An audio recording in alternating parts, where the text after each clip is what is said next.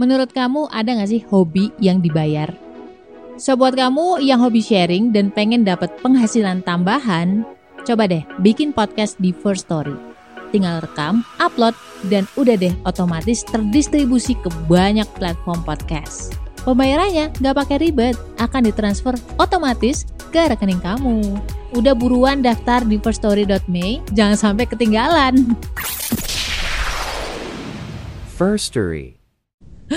Gue kelihatannya ngomongnya hahi ya, tapi sebelum gue ngonten itu selalu gue bikin riset dulu. Terus uh, mengkontemplasi terlebih dahulu kira-kira apa sih yang bisa gue relatein karena kan nggak bisa gue ngomong secara teori doang. Nah sebelum kita lebih jauh membahas tentang gimana sih tujuan akhir kita yang berhasil itu kan sebelum sampai ke sana itu mungkin pembahasannya kan akan di uh, harus ditarik mundur dulu nih tujuan hidup kita tuh apa ya kan? Banyak orang bilang bahwa tujuan hidup kita ya ibadah gitu. Bisa nggak mendefinisikannya atau memaknainya? Karena kan kalau ngomong doang secara redak redaksional, diksi dan kawan-kawan itu tidaklah sulit. Ibadah adalah bla bla bla gitu kan. Semua orang bahkan anak gue yang masih tujuh tahun itu bisa. Pemaknaan tujuan hidup dari anak tujuh tahun dan juga usia 35 tahun pasti akan berbeda. Karena kan kita sudah jauh nih melangkahnya. Apa yang kita alamin, apa yang kita temuin di usia 35 tahun ini mungkin sangatlah berbeda dengan apa yang ditemuin oleh anak yang tujuh tahun. Berapa orang yang sudah kita temuin itu juga ngaruh. Kuliah di mana, pendidikan di mana itu juga ngaruh. Nah ngomong-ngomong soal pendidikan nih, kemarin ada sempet yang rame ya, again, tentang alumnus dari UI, Universitas Indonesia. Nah, mungkin teman-teman udah pada tahu sih.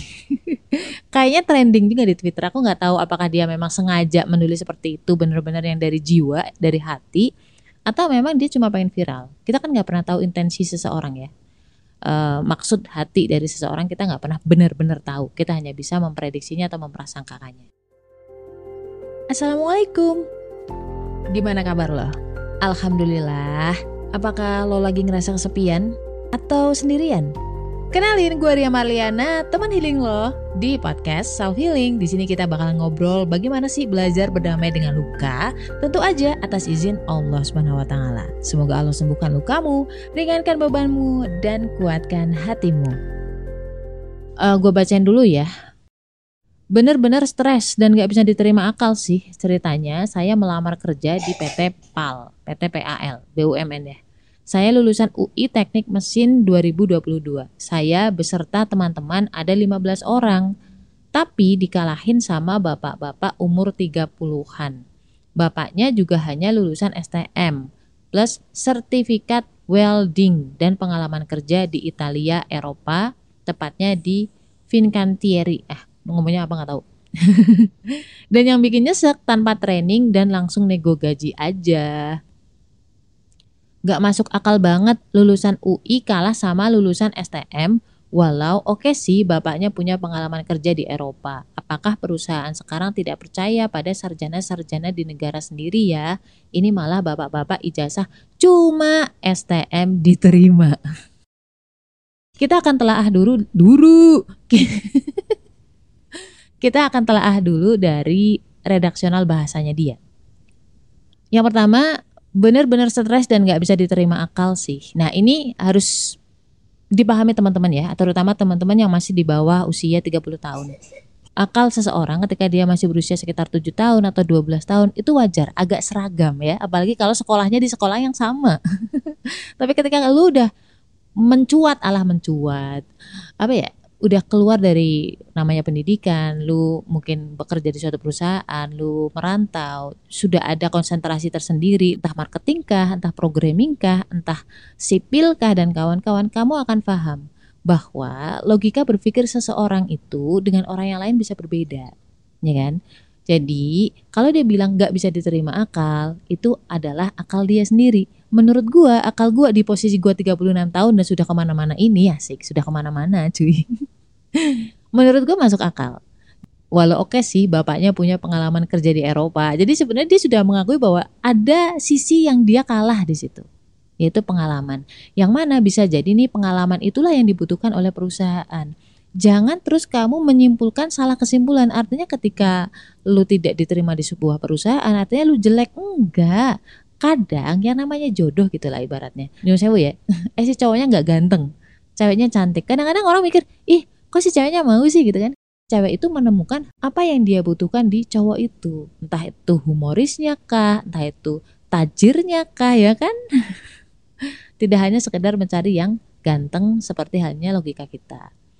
Ada satu lagi yang perlu gue tambahin karena banyak orang yang belum tahu tentang ini gitu. Salah satu kunci rezeki adalah kita memandang baik orang lain. Tidak pernah memandang bahwa orang lain itu adalah pesaing salah satu waktu mustajab untuk berdoa yaitu ketika melihat nikmat yang ada pada orang lain.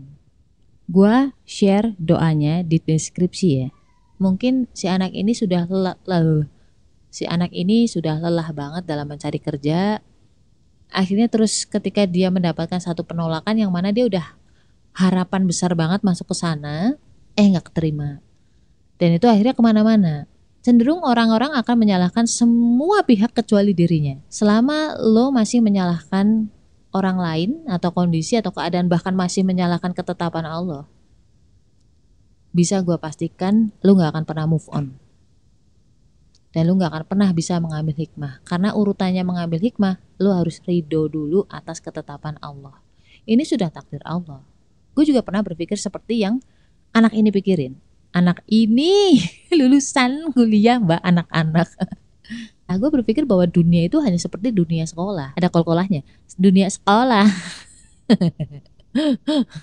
Mbak fokus, fokus. Oke, fokus. Padahal ketika gue kerja, subhanallah, ya Allah, ibarat kata nih kalau gue bisa bilang.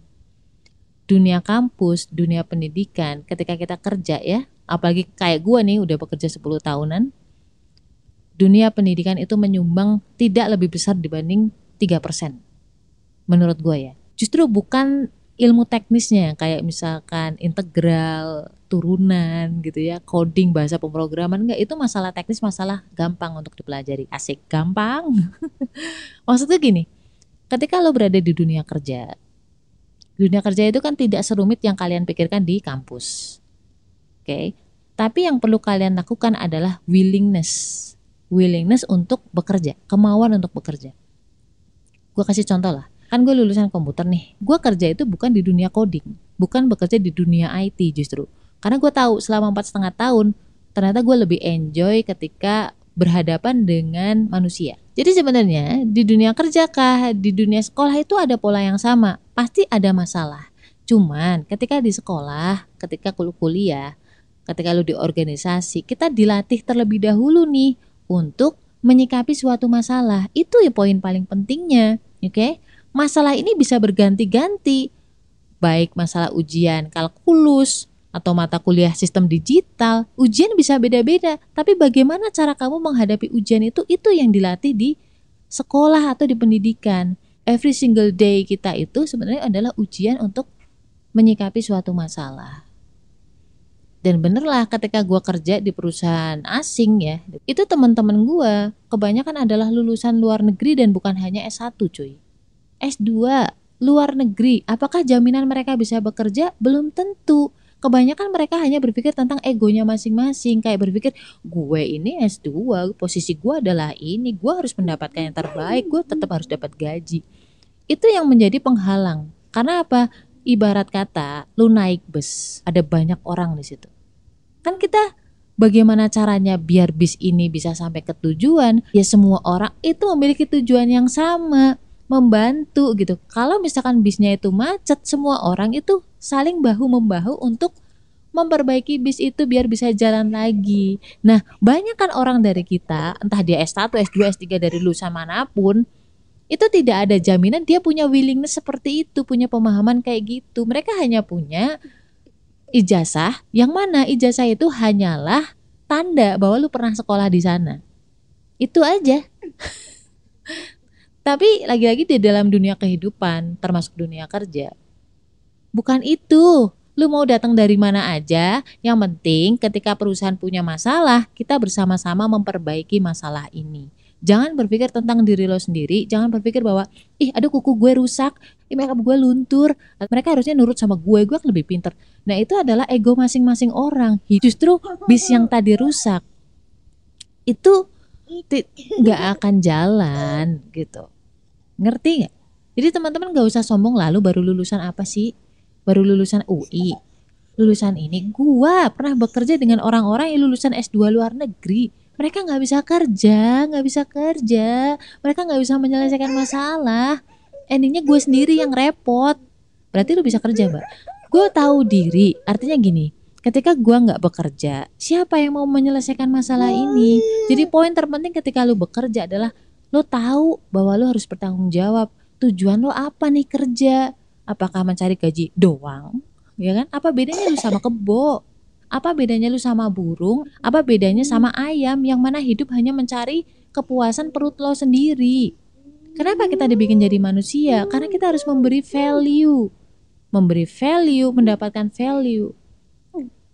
Memberi value artinya memberi manfaat kepada orang lain atau perusahaan lo dan juga lu juga bisa mendapat manfaat bukan hanya dari sisi materi tapi juga dari sisi pengalaman dari sisi skill kamu nambah kalau misalkan lu kerja isinya cuma ngegibah-gibah doang gitu kan ngeluh-ngeluh doang ya lu nggak akan nambah value hidup kamu juga buat apa lu masih di situ lu mau kisah misalkan udah usia 60 tahun atau 55 tahun udah menjelang pensiun tapi tingkat kedewasaan kamu dalam menyikapi masalah menyikapi kekecewaan seperti usia 25 tahun. Ya rugi usia loh. Di rumah aja kalau misalkan ada orang yang cerewet doang ngomel-ngomel itu kesel nggak? Masalahnya kelar nggak? Enggak. Orang yang ngomel-ngomel dan dia bisa ngelarin masalah aja kita masih kesel. Apalagi orang yang bisanya ngomel-ngomel doang nyala-nyalain orang doang. Gini, kalau dengan ngomel-ngomel kamu bisa menyelesaikan masalah lima hari contohnya. Bayangin kalau misalkan lu nggak ngomel-ngomel pasti lebih cepet kan, lebih efektif dan gak memberat-berati hati lo, gak memberat-berati hati orang lain yang ngedengernya gitu. Ngerti gak? Ini gue gak, nggak mau mengeneralisir ya, artinya paling satu dua orang aja di antara kaum Gen Z. Kaum Gen Z yang dewasa juga ada, juga banyak, tapi mereka mungkin cenderung silent. Mereka cenderung diam. Jadi tidak bisa kita bilang bahwa oh lulusan UI kayak gitu ya, nggak bisa kayak gitu juga. Orang yang merasa dia udah paling tinggi, udah menyentuh langit, kayak katak dalam tempurung. Padahal ketika tempurungnya dibuka, lumayannya jauh. Ya ampun, lu gak ada apa-apanya. Jadi menurut gua, orang yang beneran pinter itu semakin tahu bahwa dirinya itu gak pinter. Malu beneran, serius malu. Coba renungin lagi deh, ketika lo lulus, lo bisa kuliah, bahkan lo mungkin berkarir tinggi, itu sebenarnya karena siapa sih? gue nemu nggak cuma satu kasus di mana orang ini nih orang yang sudah hebat banget menurut banyak orang dia tuh ada kesombongan bahkan kesombongannya tuh nggak ditunjukin ke orang dia hanya merasa lebih tinggi atau lebih baik lebih keren dibanding orang lain dan biasanya kalau orang itu baik nggak berapa lama setelah itu Allah bikin dia tidak nyaman di tempat itu di kerjaannya kah di tempat belajarnya kah akhirnya kenikmatan itu Allah ambil Beneran, dijatuhin langsung sama Allah. Justru itu berarti Allah sayang. Allah masih negur kamu. Dosa kesombongan itu tuh dosa besar. Ya kan? Karena apa? Karena semua itu tuh milik Allah. Tiba-tiba kamu klaim itu milik kamu karena kepintaran kamu. Ingat kan kisahnya si Korun, ya kan? Dia merasa dan dia bilang, dia sampai bilang loh, si Korun ini sampai bilang bahwa dia tuh bisa kaya karena kemampuan dan kepintarannya dia. Akhirnya apa? Allah tenggelamin semuanya sak korun-korune termasuk harta bendanya yang seabrek itu, prestasinya itu ke dalam bumi. Jadi menurut gua lo lulusan terbaik dari mana pun lu ijazah S3, S4, S5, S6, S7, S8, S9 sampai S1000 itu hanya menunjukkan lo pernah sekolah di kampus itu tapi tidak pernah menjamin kamu bisa kerja atau enggak kamu arogan atau enggak lu punya karakter yang baik atau enggak. Pentingnya beradab sebelum berilmu. Ngerti? Ya, karena ketika orang nggak beradab dikasih ilmu, jadinya sombong, ya kan? Padahal sebenarnya sejatinya nih, ilmu itu Allah ciptakan buat kita agar semakin merendah di hadapan Allah, agar semakin bisa bermanfaat di sisi manusia yang lain. Oke, okay? la haula wala. Stay love and assalamualaikum warahmatullahi wabarakatuh. Kenapa sih golongan darah B itu pelupa? Susah banget ingat nama. Orangnya juga cuek, nggak pekaan, nggak perhatian. Kenapa coba? Bedah itu semua dari buku cerita tentang karakter golongan darah B dengan judul Beauty in a Beast. Order sekarang, link di bio ya. Buat teman-teman yang pengen nambahin cerita gue atau pengen nanya-nanya, boleh banget klik link komen di bawah. Di bawah mana? di deskripsi box.